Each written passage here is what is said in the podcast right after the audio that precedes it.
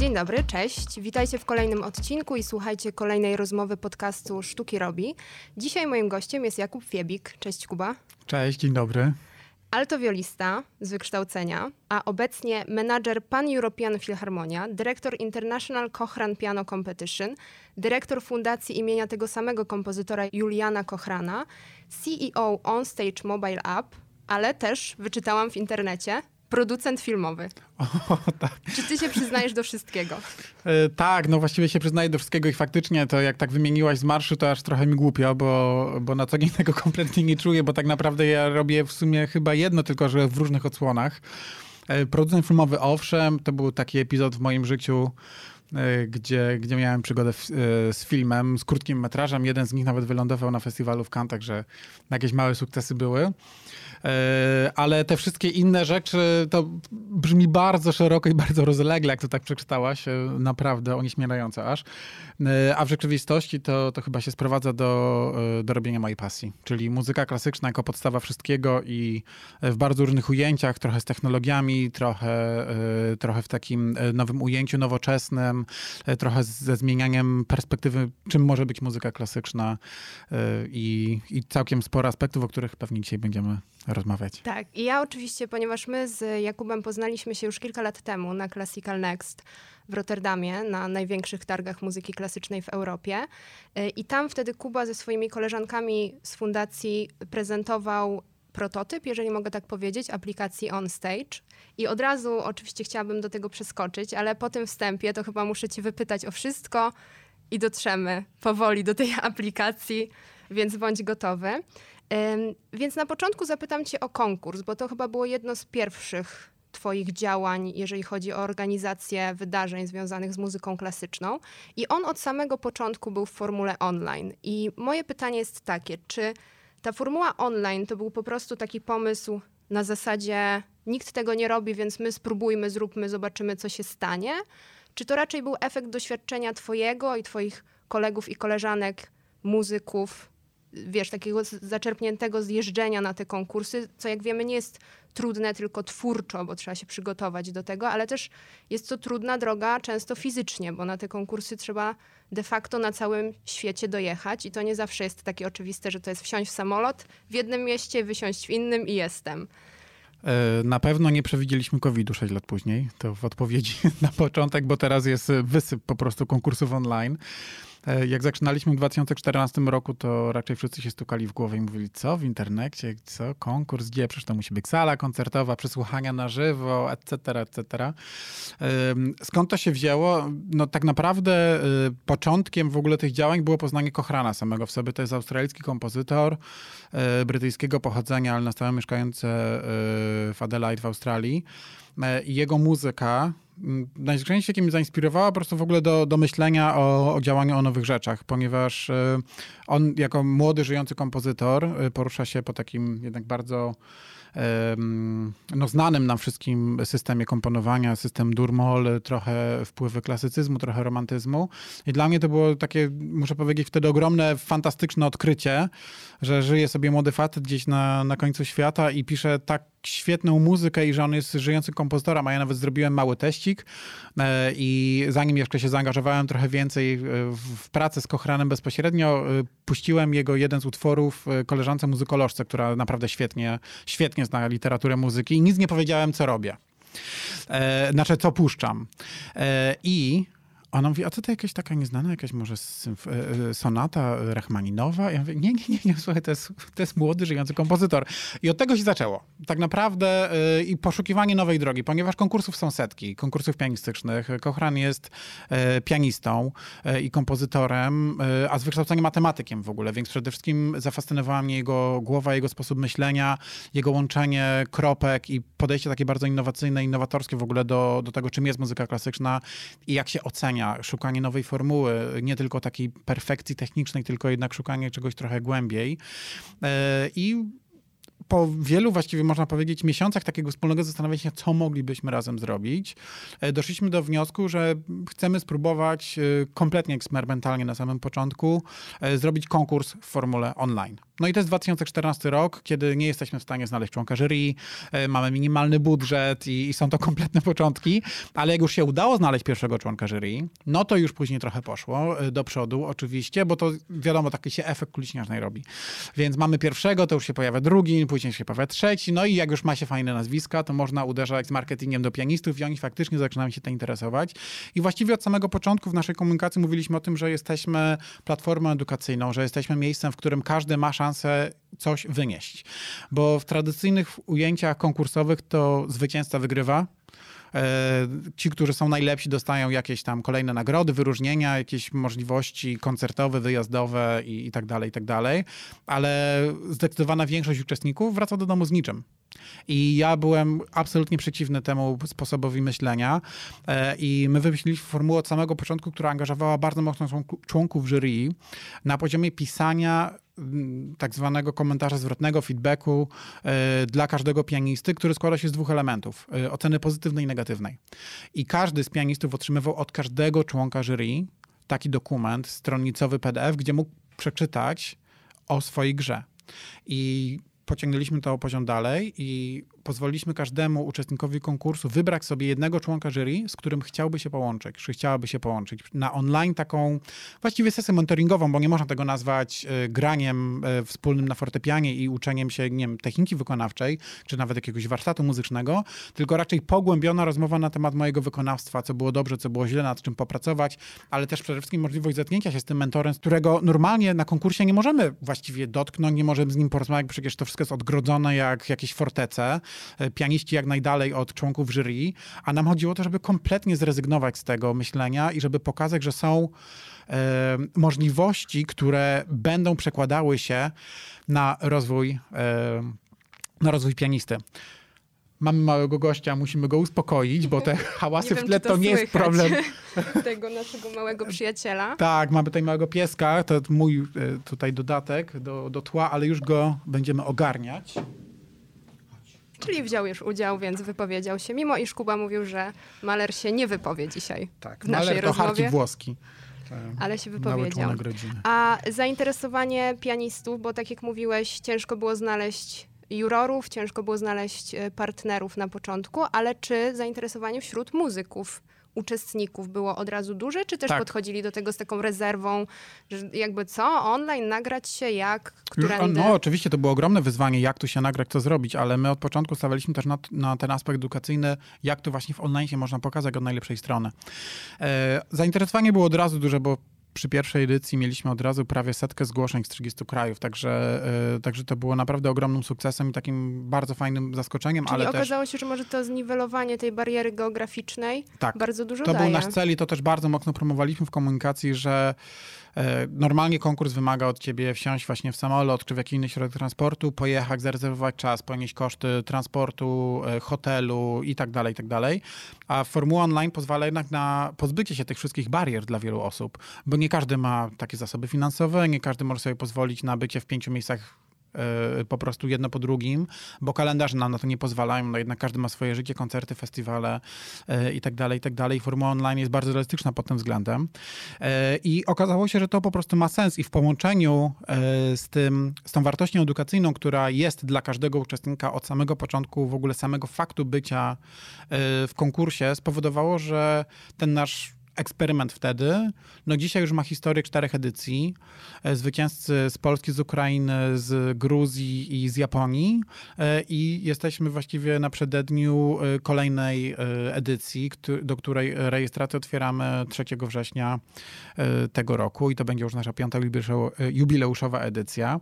Także wszystkich pianistów, skądkolwiek nas nie będziecie słuchać, serdecznie zapraszamy, bo będzie można znowu wziąć udział w takim no, konkursie online z historią, e, a nie takim, który powstał tylko jako odpowiedź prawda, covidowa. Na hasło bo kultura w sieci.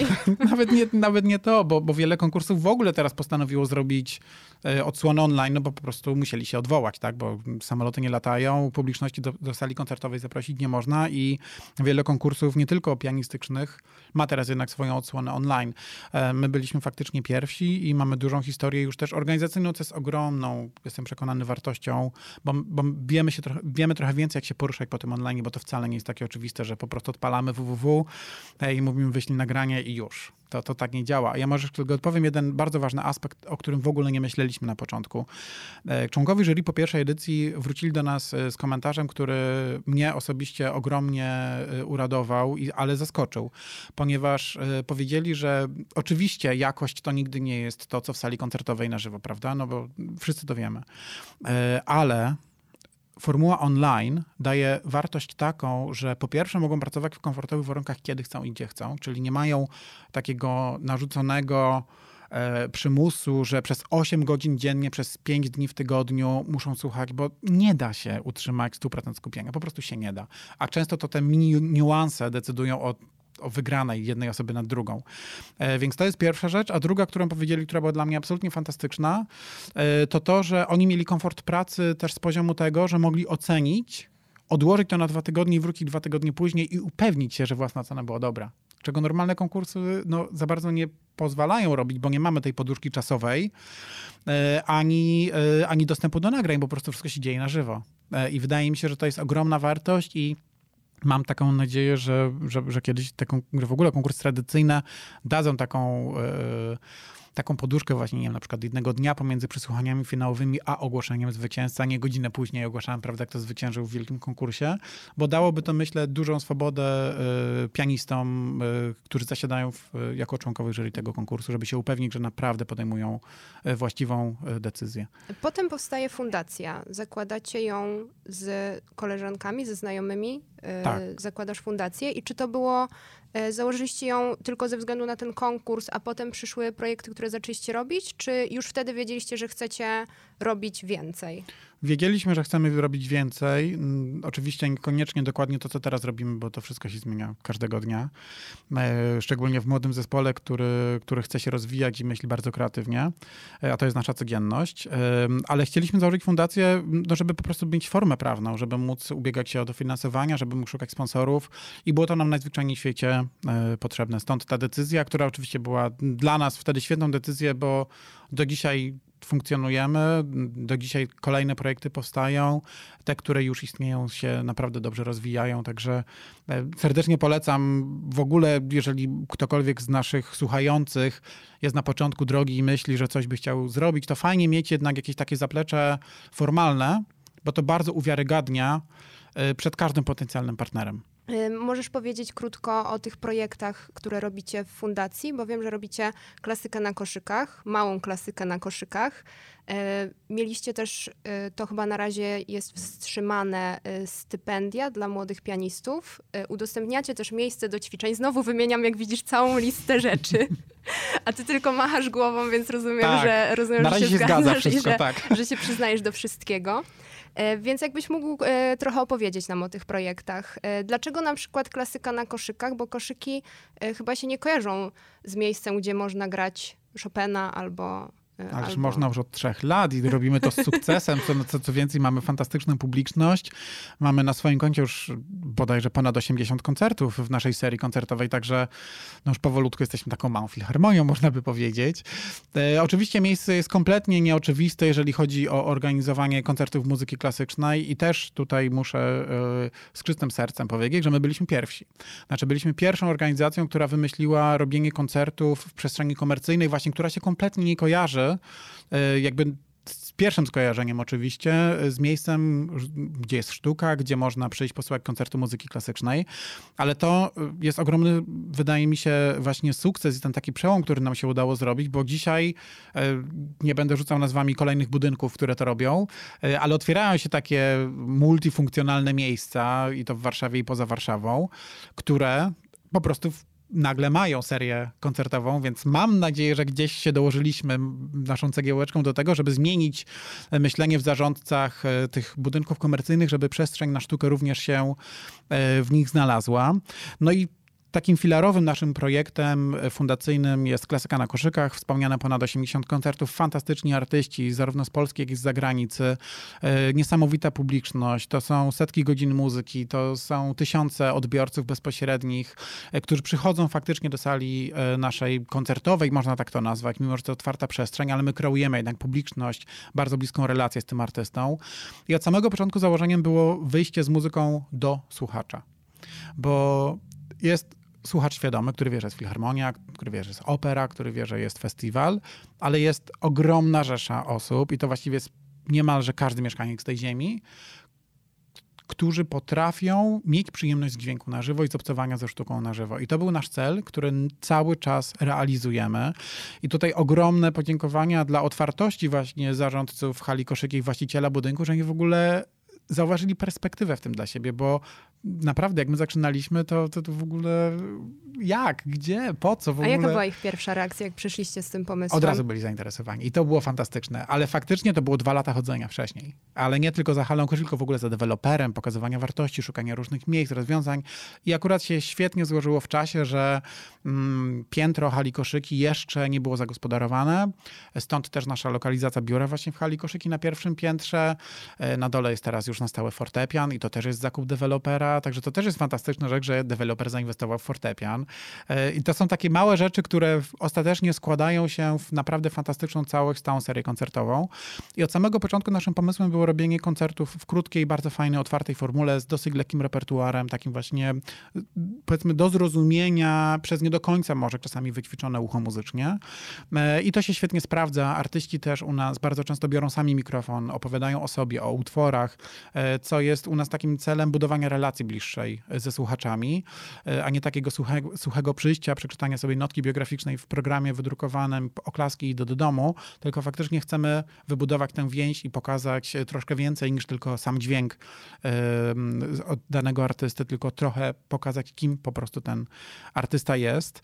E, no i jak przyszły wakacje, bo stąd się wzięła mała klasyka na koszykach, to e, troszeczkę tutaj dołożę mm, a propos mm, tego kreatywnego myślenia tak jak to wszystko się zmienia i jak te projekty nagle się pojawiają, nie wiadomo czasami skąd.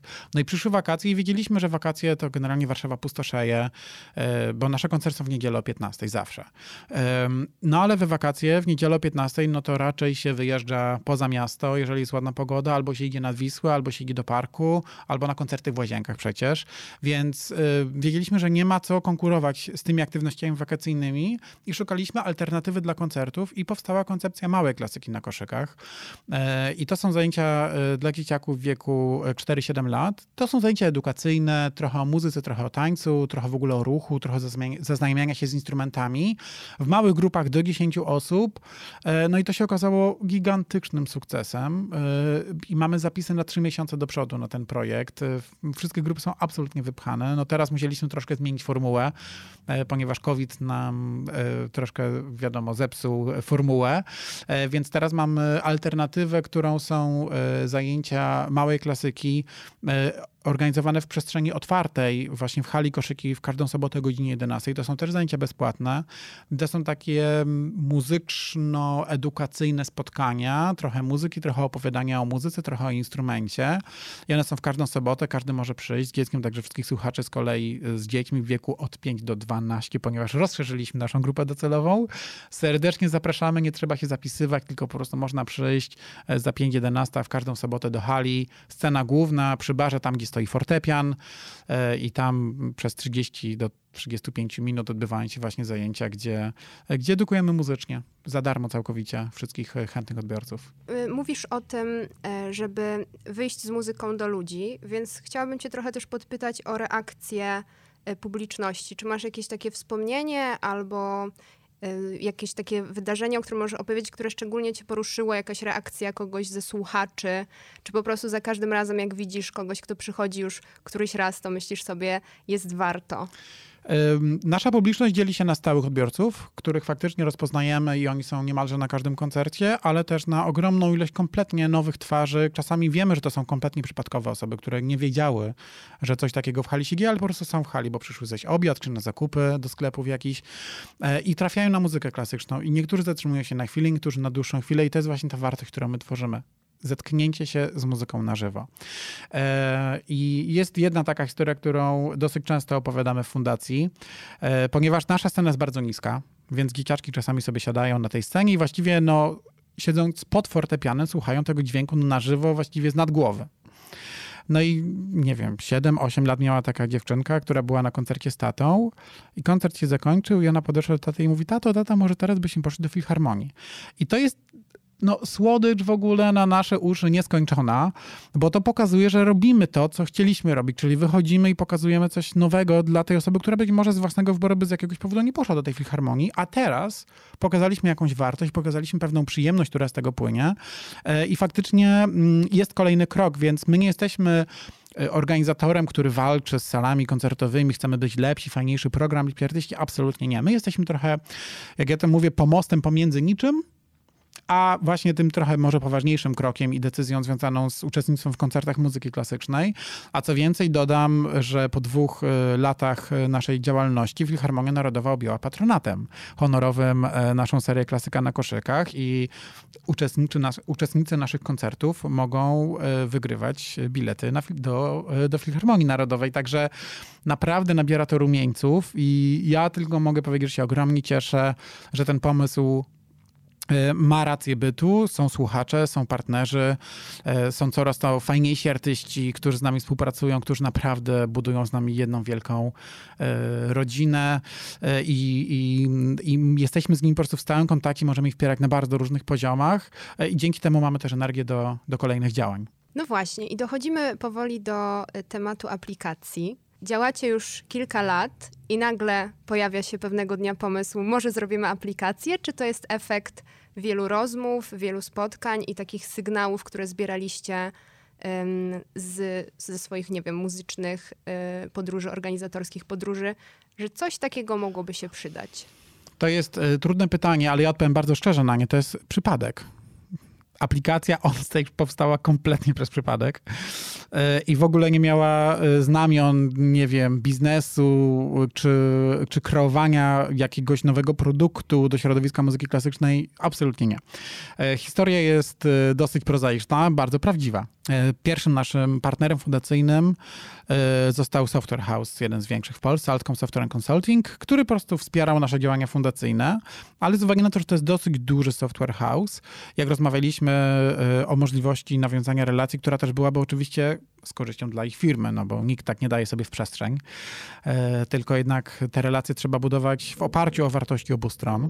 E, też dostaliśmy taką możliwość skorzystania z tak zwanych trochę wolnych przebiegów software'owców. No bo wiadomo, są etaty nie zawsze jest na tyle projektów komercyjnych, żeby te 8 godzin wypełnić i są takie programy wewnętrzne w firmie służące po prostu rozwojowi, uczeniu się nowego języka programowania, czy w ogóle trochę oderwania od tej takiej codziennej rzeczywistości bardzo komercyjnej, która czasami bywa oczywiście nużąca, więc też firmy, szczególnie w, w tym sektorze IT, który jest wyjątkowo konkurencyjny w, w Polsce i w Warszawie, e, szukają różnych mm, no, takich dodatkowych aktywności, które po prostu będą atrakcyjne. No i powstała wtedy koncepcja na początku, żebyśmy stworzyli aplikację mobilną e, do naszego konkursu pianistycznego. Zaczęliśmy podejście pierwsze, drugie, coś zostało stworzone, ostatecznie aplikacja nie została skończona, ponieważ nasze wewnętrzne półtora miesiąca pracy takiej koncepcyjnej doprowadziło nas do OnStage'a, który jeszcze wtedy się nie nazywał OnStage'em, e, tylko wymyśliliśmy sobie, że fajnie byłoby, pewnie dla słuchacza, gdyby przyszedł do sali koncertowej i jak ma ten super dźwięk, to żeby też miał super jeszcze obraz. No bo zasadniczo jak przyjdziemy do sali koncertowej, szczególnie większej sali koncertowej, no weźmy taką Filharmonię Narodową e, w Warszawie, siedząc na pierwszym balkonie mamy fenomenalny dźwięk, to są moje ulubione miejsca, jak, jak jest, jestem jako słuchacz, ale jednak widoczność mamy dosyć ograniczoną. Dyrygent zawsze tyłem, solistę widzimy z oddali, nie widzimy zbyt dużo szczegółów i oczywiście dla wielu osób to jest e, wyjście, które kojarzy się właśnie z wyciszeniem, zamknięciem oczu, oddaniem się kompletnie kontemplacji muzycznej, ale naszym pomysłem było jednak wykreowanie nowego doświadczenia. Być może dla nowego odbiorcy, być może dla młodszego odbiorcy. To pytanie pozostaje non-stop otwarte, bo, bo nie mamy jednej odpowiedzi. Na pewno sfera eksperymentu przerodziła się w coś, co ma zastosowanie dzisiaj e, i jest dostrzegane przez różne instytucje na świecie, czyli możliwość obejrzenia z różnych perspektyw tego, co dzieje się na scenie. I jak to działa, to to tak, że właściwie każdy ze słuchaczy indywidualnie wybiera sobie, którą kamerę w danej chwili chciałby No właśnie, oglądać. to może krótko opowiesz, bo ja pozostawiłam tobie właśnie opowieść o tym, czym jest ta aplikacja i jak działa. Więc, y, bo już tu mówisz o jakichś kamerach, o tym, żeby patrzeć z innej strony, a nie wszyscy muszą wiedzieć, którzy nas teraz słuchają, o co chodzi. Absolutnie. E, to może zacznę od, e, od jakby początku w ogóle koncepcji. Aplikacja OnStage, jak już koncepcja została wypracowana, to nam ładnych kilka miesięcy zajęło, e, ma tak naprawdę dwa cele.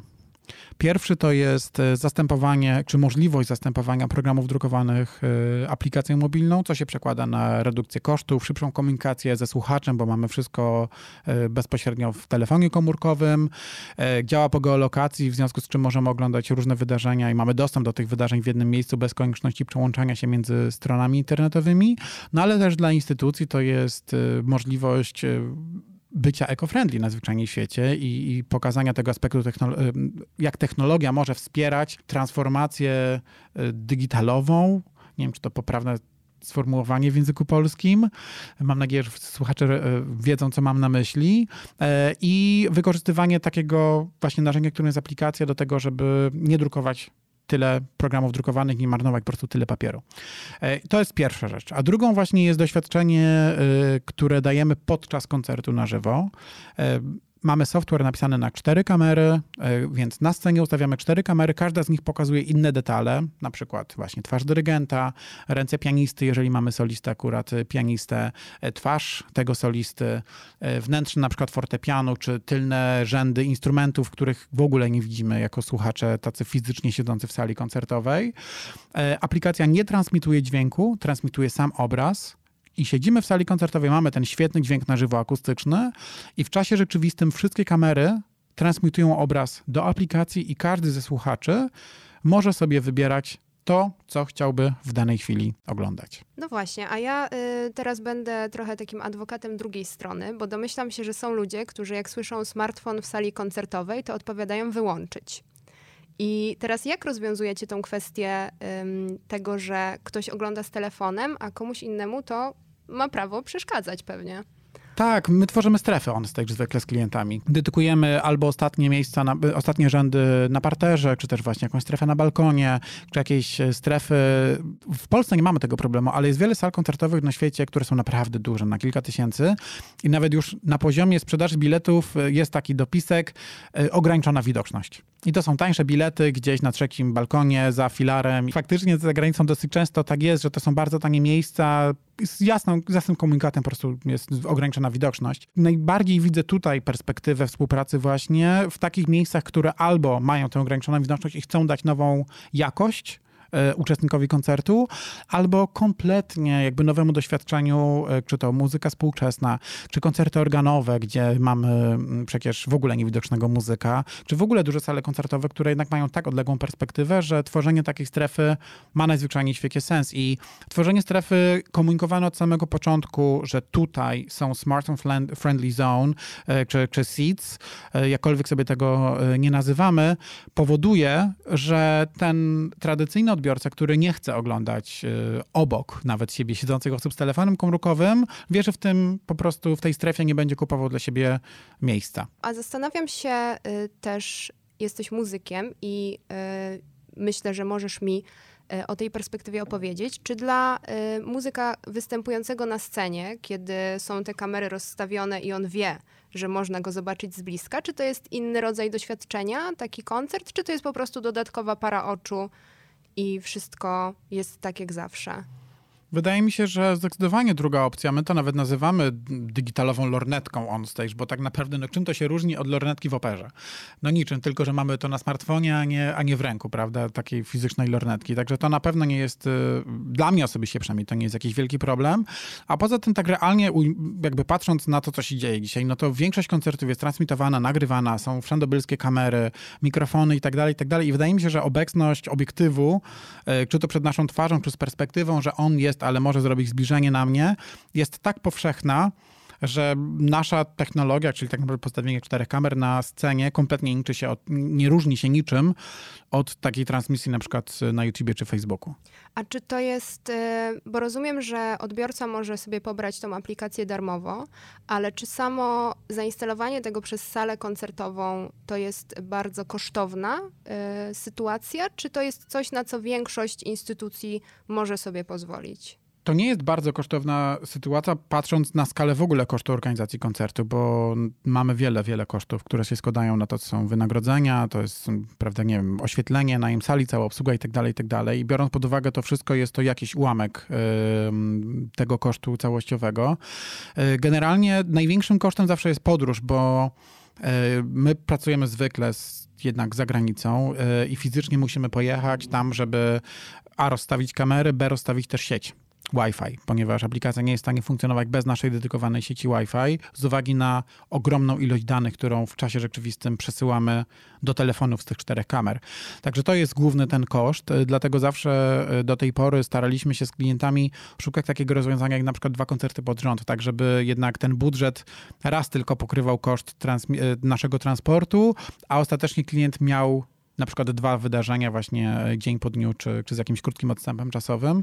I wtedy to naprawdę ma ogromny sens e, budżetowy dla takiego organizatora koncertu. Czy zastanawiacie się nad taką funkcjonalnością, czy ona jest możliwa, żeby kiedyś oddać to wszystko sali koncertowej i żeby oni mogli na stałe mieć taką, e, taką aplikację u siebie, czy to zawsze już będzie, wiesz, związane z waszą podróżą i z kilkoma koncertami pod rząd i potem wracamy z całym tym naszym sprzętem nie, dzisiaj to tak wygląda, ponieważ e, jeszcze nie jesteśmy na tyle, wydaje mi się, A, rozpoznawalni, B, w ogóle perspektywa telefonów komórkowych w salach, w salach koncertowych jeszcze nie jest w ogóle powszechna. Nie wiadomo, czy kiedykolwiek będzie. E, więc e, ci klienci, z którymi pracowaliśmy, oni się decydowali zawsze na taki event trochę testowo-marketingowo, trochę zobaczyć, jak publiczność będzie na to reagowała, jeszcze pewnie kilka innych aspektów z ich strony, które były najważniejsze. Dlatego nikomu się kompletnie nie opłacało stawiać na stałe sieci w sali koncertowej, która byłaby dopasowana do tego, co nasza aplikacja z kolei wymaga.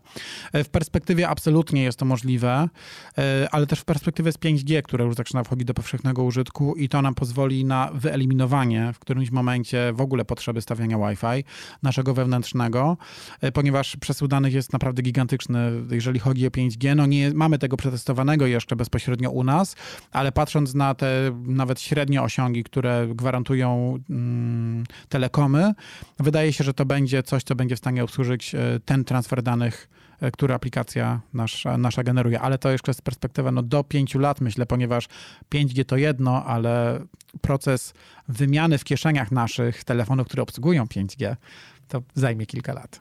A ty musiałeś e, się tego wszystkiego nauczyć, tych, tych wszystkich haseł, software, 5G, stawianie sieci Wi-Fi. Musiałeś to wszystko poznać? Uśmiecham się szeroko, czego nie słyszycie, nie widzicie, e, ponieważ dla mnie to jest już tak powszechny język, którego ja używam każdego dnia, że nawet nie wiem, że używam słów, które mogą być niezrozumiałe, także strasznie przepraszam, mam do tego nie, tendencję, nie, wiesz, to wiem. Nie chodzi, o, nie chodzi o tą kwestię, że to może być niezrozumiałe, bo myślę, że dla większości już naszych słuchaczy to będzie bardzo powszechny też język, ale bardziej e, chodzi mi może w takim razie inaczej sformułuję pytanie, bo bardziej chodzi mi o te kwestie Y, technicznych aspektów? Czy musiałeś się y, zdobyć tą wiedzę techniczną, czy po prostu oddaliście to y, ludziom z software house'u i oni się tym zajęli, a wy tylko dawaliście te pomysły kreatywne, te pomysły związane z muzyką i z funkcjonalnościami. Tak, nasza praca polega na tym, żeby to spinać w całość. I to jest tak, że od postawienia sieci Wi-Fi mamy jedną firmę, od kamery mamy drugą firmę, od software'u mamy trzecią firmę. E, bo inaczej byłoby to absolutnie niemożliwe, przynajmniej na tym etapie rozwoju, na którym dzisiaj jesteśmy. Także ja trochę się pewnie orientuję, no bo jednak trzy lata już to robimy i mniej więcej wiem, co do czego trzeba dołożyć, żeby zadziałało, ale gdyby mnie ktoś podstawił przed komputerem i kazali przekodować, to nie, nie zrobiłbym tego na pewno. A teraz y, niedawno stworzyliście i wprowadziliście nową funkcjonalność. Myślę, że w odpowiedzi na najbardziej palący obecnie problem, czyli braku koncertów w salach koncertowych, czyli y, wirtualną salę koncertową. Tak. E, to, był tak, to było tak, że minęło parę tygodni pandemii i stwierdziliście, coś takiego jest potrzebne? Czy już wcześniej mieliście takie pomysły i teraz był dobry czas, żeby to wprowadzić i dać to narzędzie muzykom i słuchaczom? Nie mieliśmy wcześniej takiego pomysłu. Faktycznie pandemia była tym elementem znowu zmuszenia nas do myślenia kreatywnego, no bo pandemia w biznesie to jest tak, że trzeba myśleć. To znaczy, trzeba się zmienić, trzeba być otwartym na zmianę, trzeba oglądać to, co się dzieje wokół, e, trzeba non-stop dopasowywać pomysły do rzeczywistości i tak to po prostu wygląda. To jest niekończąca się po prostu droga, która jest fantastyczna, bardzo wymagająca, ale fantastyczna. OnStage Digital Concert Hall to jest e, absolutnie odpowiedź na, na pandemię i, i związane z tym problemy, głównie e, związane z zastojem u indywidualnych artystów, którzy po prostu nie mogą podróżować, nie mają koncertów. Teraz już to powolutku zaczyna wracać do normy. Oczywiście nie na taką skalę jak wcześniej, bo jednak podróże są bardzo nadal ograniczone mm, i tylko do niektórych krajów, ale co tu można zrobić? I y, no my cały czas oglądamy, co się dzieje. Oczywiście ja osobiście to oglądam i szczerze powiem, że na początku byłem przerażony po prostu tym wszystkim, bo nagle wszyscy wrzucali wszystko. Jak ja to widziałem u siebie na ścianie na tym Facebooku, to ja po prostu wyłączałem, bo nie byłem w stanie tego oglądać, ponieważ yy, no, taki pewnie typowy profil facebookowy każdego z nas, no polubione kilka orkiestr, na przykład muzycy, polubione kilka orkiestr, kilka oper, jakieś tam festiwale, jacyś indywidualni artyści i w sumie jakaś tam ilość tego jest, prawda? No i na co dzień, no to widzimy jakieś posty, które się dzieją. A tutaj nagle pandemia i wszyscy po prostu wrzucają wszystkie możliwe nagrania. Ci, którzy mieli porządnie zrobione z, gdzieś tam w archiwum, to robili to całkiem fajnie, wrzucali fajne nagrania. No a artyści indywidualni to już bardzo różnie wyglądało. Niektórzy coś fajnego, niektórzy to och, no, jakość dosyć no, kwestionowalna, powiedzmy, i cały anturaż wokół tego, i sposób komunikowania, i teksty wokół tego. I tego się zrobiło po prostu za dużo, i często w niefajnej odsłonie. I, ja, mi się wydaje, że każdy, z kim rozmawiałem, to mówił, Boże, no nie da się. Po prostu nie da się tego już oglądać, nie da się tego słuchać. A co najgorsze, się wprowadził taki chaos komunikacyjny, bo tutaj tak, jeden organizator mówi, że to dostępne jutro. Drugi mówi, że to już wisi, ale będzie tylko do jutra. Trzeci mówi, że będzie za tydzień i będzie tylko przez 7 dni. I teraz, no jak tu po prostu w ogóle nadążyć za tym? I dopóki się naprawdę nie chciało czegoś obejrzeć, sobie nie wpisało, nie wiem, każdy sobie nie wpisał do prywatnego kalendarza, że to będzie wtedy dostępne na tyle i tak dalej, i tak dalej, to był nie sposób i cały czas zresztą jest jeszcze nie sposób nadążenia za tym wszystkim, co się dzieje. E, I pierwszą taką odpowiedzią covidową było tak zwane COVID Solution, które wprowadziliśmy do aplikacji mobilnej, e, z którego korzystaliśmy przez dwa miesiące. Nawet powstał fajny webinar e, o tym we współpracy z Classical Nextem, z którym sobie rozmawialiśmy, znaczy ja z Alieną Chang z Classical Next przez, przez godzinę właściwie właśnie o tych technologiach, o covid o tym, jak może aplikacja mobilna tutaj trochę uporządkować te treści. E, I to był taki pierwszy covidowy solution, to rozwiązanie covidowe. No i drugim jest Digital Concert Hall, które dopiero tak naprawdę testujemy, wprowadzamy i tych rozwiązań teraz powstało na pęczki. No to znaczy każdy, kto gdzieś tam obserwuje te trendy, na pewno sam zauważył, e, że jest tego bardzo dużo. Powstało kilka takich sal digitalowych, które mają bardzo różnych artystów, albo większe, większe jakieś orkiestry, czy większe festiwale. Powstało pełno festiwali online, e, pełno archiwalnych nagrań. Teraz są też koncerty transmitowane e, bez publiczności. Ja się obawiam generalnie generalnie jednego, że my jako y, przedstawiciele biznesu świata muzyki ręcznej sobie sami po prostu dołki kopiemy. Bo wszystko nagle jest za darmo, i gdzie tu jest wartość w ogóle tego, co my robimy? To znaczy, jak możemy za chwilę oczekiwać od słuchacza, że zapłaci nawet 5 zł, jeżeli ma wszystko wszędzie za darmo? No to po prostu nie zadziała tak. Więc mi się wydaje, że, że w ogóle tak globalnie, totalnie myśląc, yy, i to zadają sobie właściwie wszyscy na, na takich biznesowych webinarach, które są organizowane przez czy to właśnie Classical czy przez Global Leaders Program, to jest, jest kilka takich ważniejszych e, organizacji na świecie, to właśnie sobie to pytają, how to monetize ten digital content, no to się do tego sprowadza, czyli jak możemy monetyzować nasz e, content online, bo właściwie jest wysyp wszędzie wszystkiego i co tu teraz z tym zrobić? No i na razie sobie nie, nie odpowiedział jeszcze na to pytanie, no bo jak już powstaje taka sala online, no to pytanie, czy ludzie będą chcieli tego słuchać, jak już tutaj mamy rozluźnione restrykcje, to każdy wygłodniały wyjścia na piwo i do parku, więc czy będzie siedział w domu i chciał to przed telewizorem oglądać? Za chwilę się dowiemy. Może jak będzie kolejny lockdown, to chętniej. Teraz jest lato, jest fajnie. Raczej ludzie chcą wyjść, e, niż siedzieć w domu i oglądać kolejne koncerty. Pytanie, czy formuła 1 do 1 koncertu to jest coś, co jest w stanie zastąpić koncert na żywo? Czy jednak to nie musi być jakaś formuła interakcji, możliwości nawiązania dialogu, komentarzy w czasie rzeczywistym z tym słuchaczem? I to są wielkie pytania, które my sobie cały czas zadajemy Bo koncepcja fajnie brzmi, ale później przychodzi rzeczywistość i trzeba to dobrze wyprodukować, trzeba to dobrze sprzedać. E, w zeszłym tygodniu, czy dwa tygodnie temu brałem udział, znaczy jako słuchacz w koncercie, który chwalił się tym, że będzie można oglądać z różnych kamer koncert w czasie rzeczywistym. Nic nie zadziałało. Słuchajcie, to była katastrofa. Nie będę mówił, kto to robił, ani jaki to był zespół. E, ale byłem bardzo zafascynowany tym pomysłem, bo to właściwie takie jeden do jeden on stage, tylko nie w sali koncertowej, tylko e, właśnie na żywo e, podczas transmisji online. Kupiłem ten bilet i nie działało nic, po prostu w ogóle się nie włączyła nawet transmisja. Napisałem do organizatora, odpisali mi z jakimś linkiem, który nie wiem skąd sobie wyczarowali, bo tego się nie dało znaleźć na stronie internetowej. To działało, później z ośmiu kamer działały dwie, później cztery.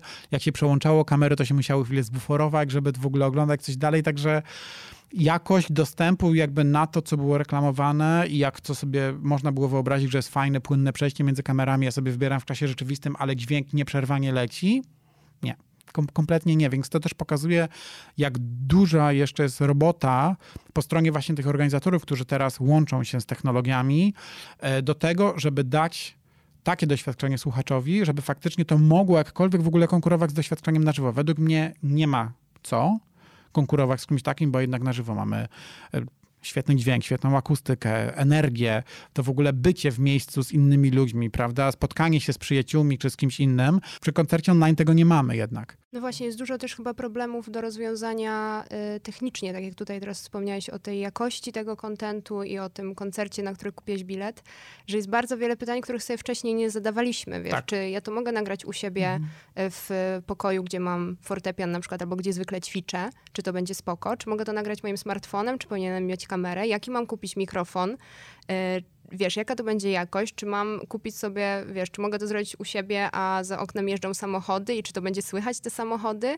więc jest bardzo dużo od razu pytań, na które trzeba sobie odpowiedzieć. Dokładnie tak i to jest rzeczywistość e, dla nas codzienna. To znaczy, te wszystkie pytania, o których teraz mówisz, że tu mocno kiwam głową tak, tak, tak, bo dokładnie tak to wygląda, bo zarówno indywidualni artyści, jak i więksi organizatorzy, którzy mają zaplecze, zastanawiają się na tym, jak to zrobić, żeby to było dobrze, a z drugiej strony, jak to zrobić, żeby nie przepalić nie wiadomo jakiej ilości pieniędzy, bo nie wiadomo, czy to się w ogóle sprzeda. Więc na te pytania sobie wszyscy próbują odpowiedzieć i są bardzo różne próby na świecie, żeby zobaczyć, co jest najlepszym rozwiązaniem, co działa. My też sami na razie jesteśmy po pierwszym koncercie, dopiero testowym, zastanawiamy się, co możemy innego zrobić. Widzimy koncerty wiedeńskiej, widzimy koncerty teraz zapowiadane Jojomy online. Jest dużo naprawdę bardzo fajnych wydarzeń. Z jakim skutkiem one są w ogóle sprzedawane? E, czy, czy, czy jest w ogóle zainteresowanie tym? Myślę, że to naprawdę zweryfikuje najbliższe, nie wiem, 6 do 12 miesięcy, bo nikt nam szybciej nie da na to odpowiedzi. I być może powstaną pierwsze jakieś raporty właśnie pokazujące, ile osób faktycznie y, kupiło sobie dostępy na takie koncerty, bo Nigdy, nigdy, absolutnie nie dajmy się zwieść temu, że jak ktoś ma 10 tysięcy czy 500 tysięcy wyświetleń na YouTubie, to tyle osób kupi dostęp e, e, sobie do koncertu. Tak nigdy nie będzie. Poza tym wyświetlenia są zaliczone po kilku sekundach e, na Netflixie, na YouTubie, na Facebooku i tak dalej. To są czasami gigantyczne liczby, ale skąd my wiemy, że ten ktoś faktycznie to obejrzał? A nie Był zainteresowany, na włączył, i wyłączył. wyłączył. A gdzie tu jeszcze droga do tego, żeby ktoś miał podać swój numer karty kredytowej, żeby faktycznie zapłacić za dostęp do tego kontentu? Podczas gdy tyle jest wszystkiego za darmo częstokroć właśnie tych konkretnych artystów, którzy dzisiaj mówią, że chcieliby jednak dostać pieniądze za to. I tu jest też taka gra psychologiczna, bo kto będzie chciał wspierać tych artystów? No najprawdopodobniej nieprzypadkowa osoba, która przyszła na koncert, który był w fajnej sali koncertowej organizowany z orkiestrą i tak dalej. Najprawdopodobniej to będą te osoby, które lubią tego artystę, lubią jego twórczość, e, chcą wesprzeć, bo wiedzą, jaka jest sytuacja tych artystów i to pewnie te osoby były, byłyby, czy będą kupcami takich biletów, nie tylko z czysto powodów, z czysto artystycznych powodów, ale też czysto takich ludzkich, bo wiemy, jak jest, w związku z czym zapłacę te 10, 20, 40, 50 złotych, e, żeby wesprzeć tego artystę. Wasz pierwszy koncert testowy, jakie wrażenia? Jak to zorganizowaliście? To jak, jak to przebiegło technicznie? My jako sala koncertowa nie chcemy być producentem i to, to jest bardzo ważne i wydaje mi się, że na dzisiaj, z tego, co orientuję się na rynku, to żadna z tych sal koncertowych nie jest e, producentem. Producentami są bezpośrednio festiwale, orkiestry, czy, bez, e, czy, czy artyści, czy może ich menadżerowie. E, u nas dokładnie tak samo technicznie to wyglądało. My wsparliśmy to lekko organizacyjnie, robiąc robiąc wywiad, y, wspierając też, jeżeli chodzi o, o nagłośnienie tego koncertu, żeby to faktycznie było dobrze zrobione z reżyserem dźwięku. I tutaj ta współpraca była, było oczywiście duże wsparcie z naszej strony na, na każdej płaszczyźnie pod tym względem, no ale ostatecznie dobór repertuaru, długość tego koncertu, zapowiedź, format i tak dalej, i tak dalej, to są absolutnie decyzje artystyczne i przynajmniej na mój dzisiejszy stan wiedzy i mojego doświadczenia i tego, co mógłbym powiedzieć, my nie chcemy w tym uczestniczyć i ingerować. Oczywiście zależy na tym, żeby była jak największa, znaczy jak najlepsza jakość tego wszystkiego, co się dzieje, ale nie możemy i nie chcemy w żaden sposób sugerować artyście, że ma wykonać to czy tamto, bo to on ma najlepszą wiedzę, ten artysta czy ta artystka, co jego fani lubią, co chcieliby posłuchać, w jakiej odsłonie tego, tego doświadczyć. A myślisz, że ty jako muzyk tobie by było łatwo tak wystąpić y, przed kamerą i nie mieć żadnego odbiorcy na żywo? Do tego, to jest, do tego się trzeba, myślisz, jakoś inaczej nastawić do, do takiego koncertu, który wykonujesz u siebie gdzieś w pokoju przed kamerami? Ja myślę, że to jest tak trudne, że znaczy to jest naprawdę wyzywające, bo to, to jest inna formuła, do tego się trzeba przyzwyczaić i ja jako muzyk to trochę ciężko mi powiedzieć, bo ja tak jestem już y, powiedzmy bardziej po stronie biznesu niż, niż wykonawstwa.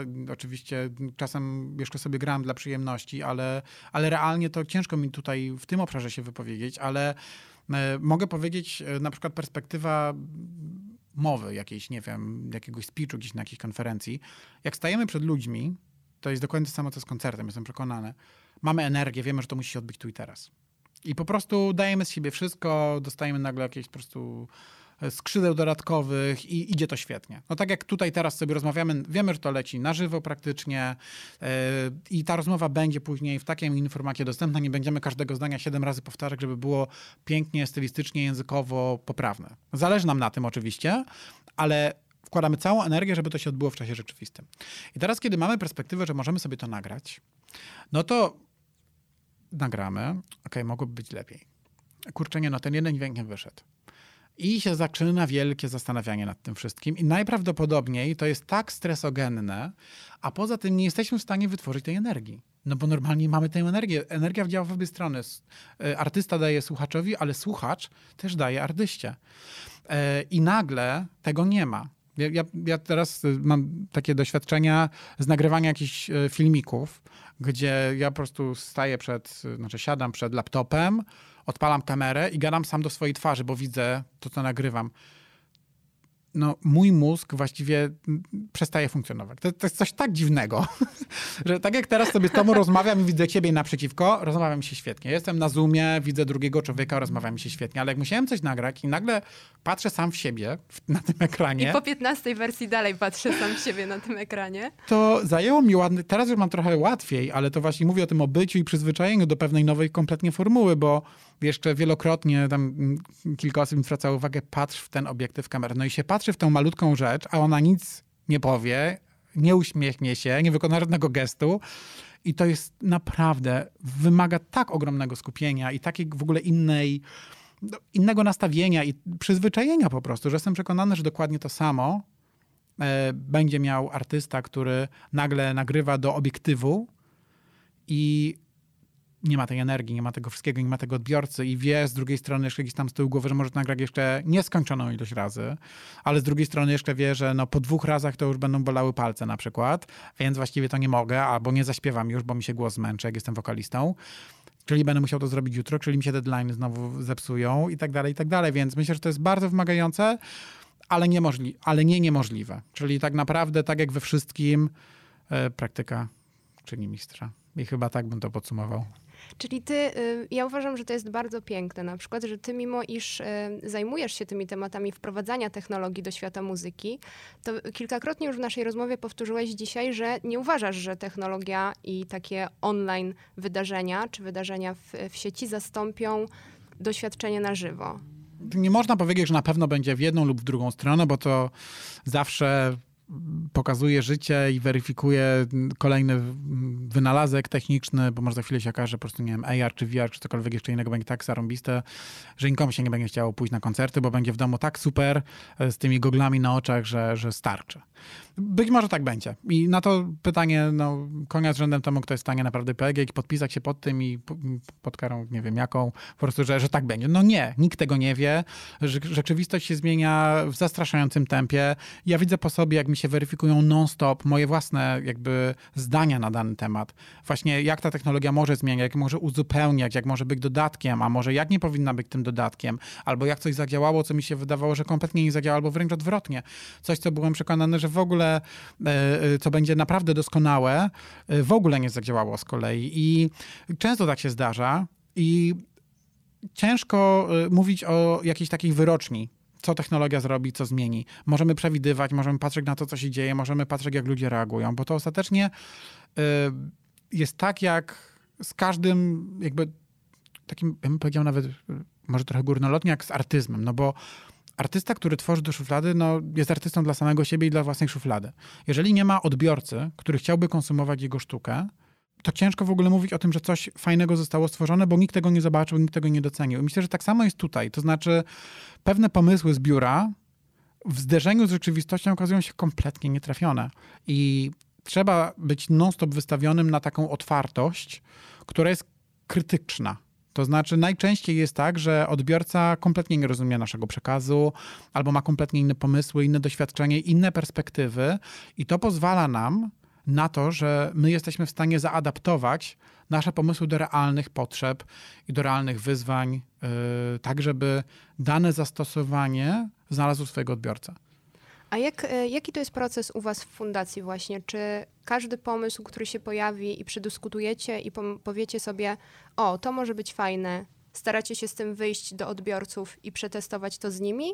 Czy są już takie pomysły, które na etapie rozmowy w biurze mówicie, nie, no to nie ma sensu? Jest i tak, i tak, ponieważ no, nie wszystko da się zrobić. Nie jesteśmy gigantycznym zespołem, co oznacza, że przede wszystkim patrzymy na czas.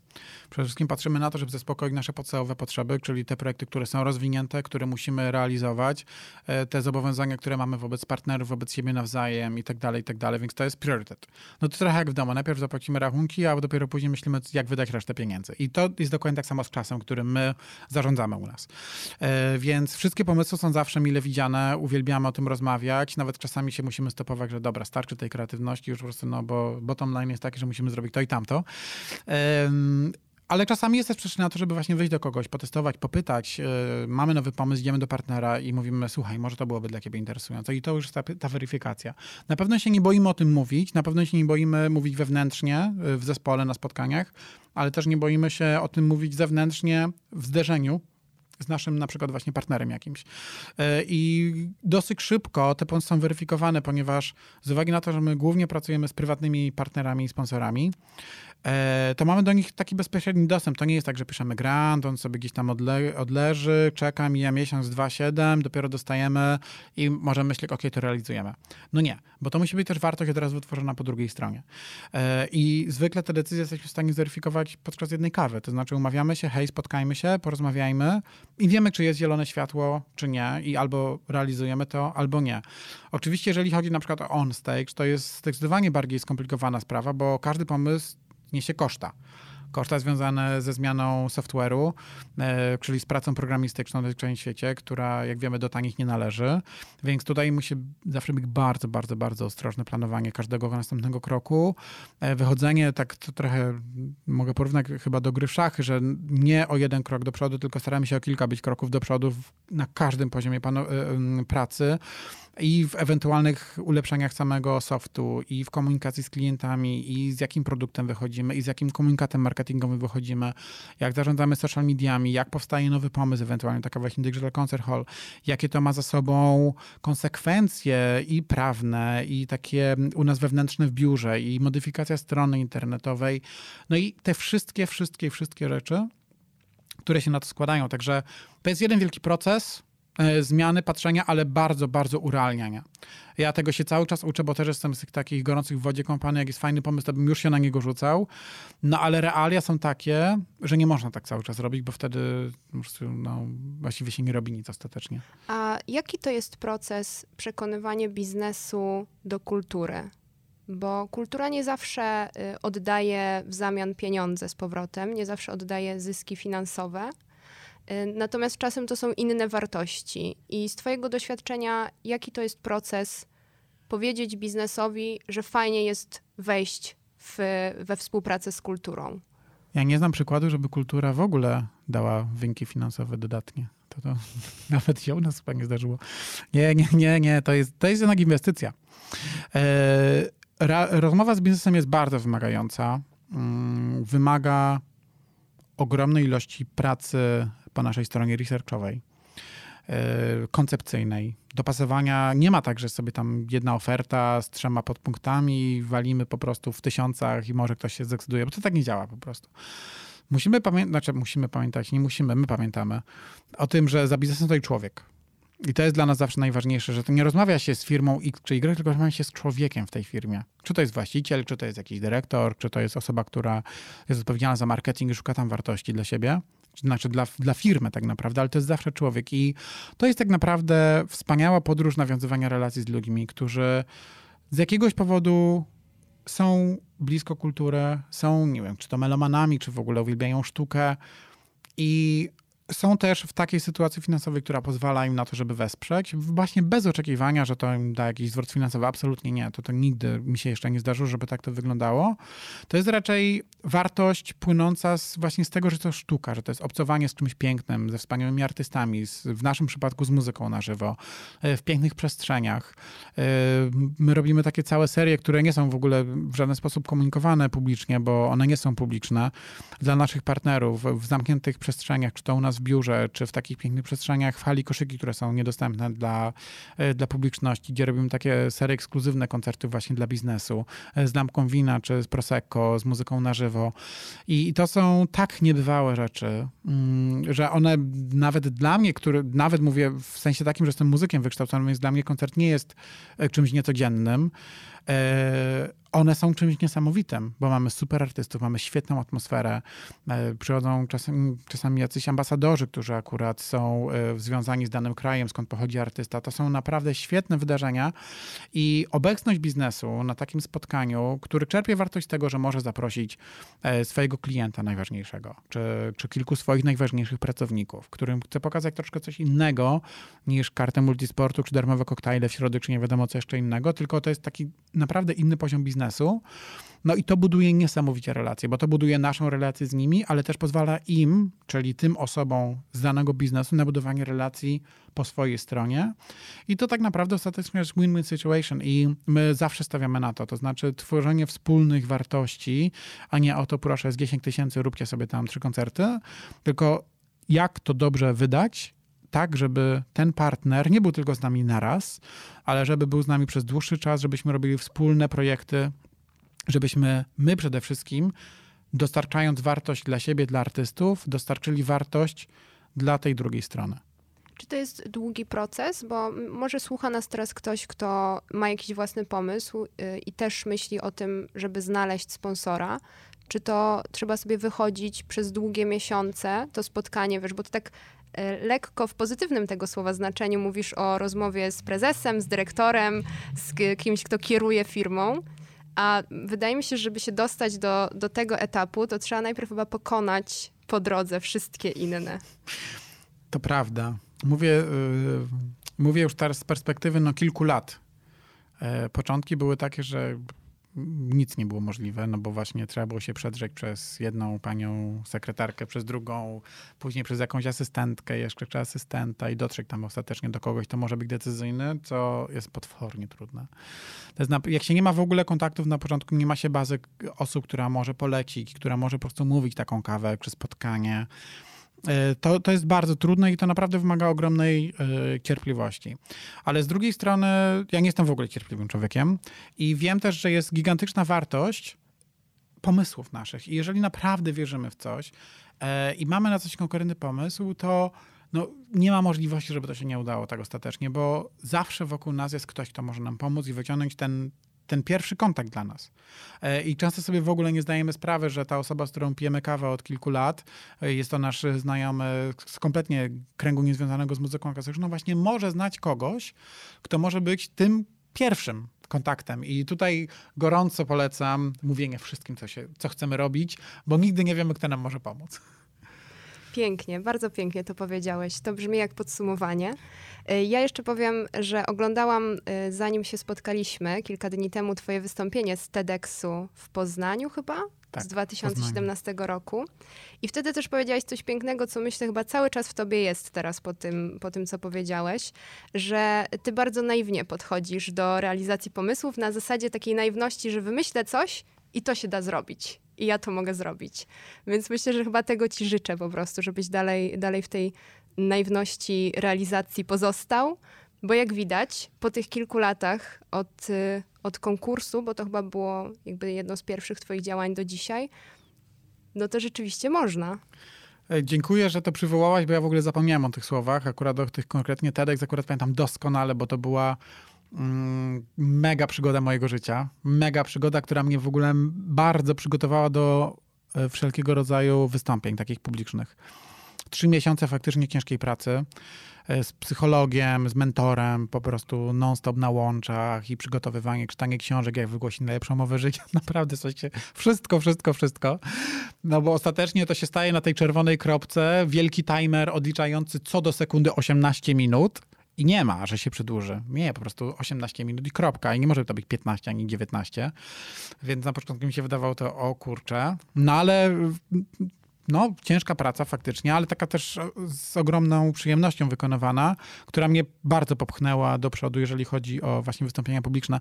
E, tak, to znaczy nazwałem to wtedy naiwnością, teraz bym nazwał e, też chyba głęboką wiarą w to, co się chce zrobić. E, czyli umiejętność łączenia kropek tak naprawdę, takie patrzenie wokół siebie, co mamy dostępne, co jest do zrobienia, e, co, chcie, co chcielibyśmy zrobić i z czyjej pomocy możemy na początku skorzystać, kto nas nie może dalej połączyć. E, bardzo często jakieś kontakty kompletnie zapomniane przez nas to są właśnie te kontakty, które mogą nas gigantycznie wesprzeć w działaniach i my to cały czas właściwie robimy. Ja w swoich działaniach cały czas e, jakby mam z tyłu głowy, żeby właśnie sobie tak przypominać niektóre osoby, niektóre zdarzenia, niektóre wyjazdy. I, I to pozwala na to, żeby wszystkie te znaczy nie wszystkie, bo nie da się realizować wszystkich pomysłów, ale żeby te niektóre projekty, takie, które naprawdę są ważniejsze i mają szansę na urzeczywistnienie, e, budować w relacjach, e, czy to e, takich wewnątrz biura z, z, fantastycznymi ludźmi, z którymi pracuję, czy właśnie z partnerami biznesowymi już istniejącymi, a jeżeli nie, to właśnie z tymi nowymi. Także dziękuję, że, że to ci zostało w pamięci. Bardzo miło mi to słyszeć i e, no i tak, no myślę, że to mogę wszystkim też jakby serdecznie e, życzyć ogromnej wiary i wytrwałości w swoje, w swoje pomysły i w swoje działania. A jak ktoś ma jakiś ciekawy pomysł, to myślę, że zawsze może się odezwać do Fundacji Jakuba i jego koleżanek, bo z tego co wiem, to chyba na razie oprócz ciebie pracują tam same dziewczyny. Tak, to prawda. Więc tak. można, się, można się do Jakuba i do dziewczyn odezwać, zaproponować i może coś z tego wyjdzie U ciekawego. U nas parytety są odwrócone. Ale mamy super zespół faktycznie y, no, niesamowicie dynamicznych y, osób. Mm, I zawsze nasze drzwi są otwarte, biuro w hali, y, zawsze chętnie się spotkamy na kawę, porozmawiamy i, i już nie raz właśnie z tego typu Mm, takich trochę przypadkowych na początku by się, by się wydawało rozmów, wychodziło coś fantastycznego. Także serdecznie zapraszam, jeżeli ktoś chce, jeżeli chce się, nie wiem, może ktoś by chciał e, opowiedzieć o swoim pomyśle i podpytać nawet o coś, to my też po to mamy fundację właśnie. E, Karolina e, Saniak-Drzyzga, która u nas realizuje kon koncerty klasyki na koszykach, jest też związana z organizacją konkursu i z małej klasyki na z małą klasyką na koszykach, ma niesamowitą relację właściwie ze wszystkimi artystami którzy u nas występują i jest częstokroć mentorem dla nich. E, zawsze mamy dla, dla artystów czas, e, zawsze właśnie można przyjść z pomysłem, z problemem też częstokroć. E, jak możemy, to wspieramy na każdym możliwym poziomie. Także no, po to też właśnie fundacja, bo to jest jednak misja publiczna. Więc my tu sobie gadaliśmy trochę o, o biznesach dzisiaj w większości, ale ostatecznie to nasze drzwi są i zawsze będą otwarte dla wszystkich osób, które chcą się z nami spotkać. No to zapraszamy wszystkich chętnych na koszyki e, do biura Fundacji Juliana Kochrana. Bardzo Ci dziękuję, Kuba, za rozmowę. Dziękuję. Bardzo mi się miło z Tobą rozmawiało o biznesie, o sztuce i o misji publicznej Waszej fundacji.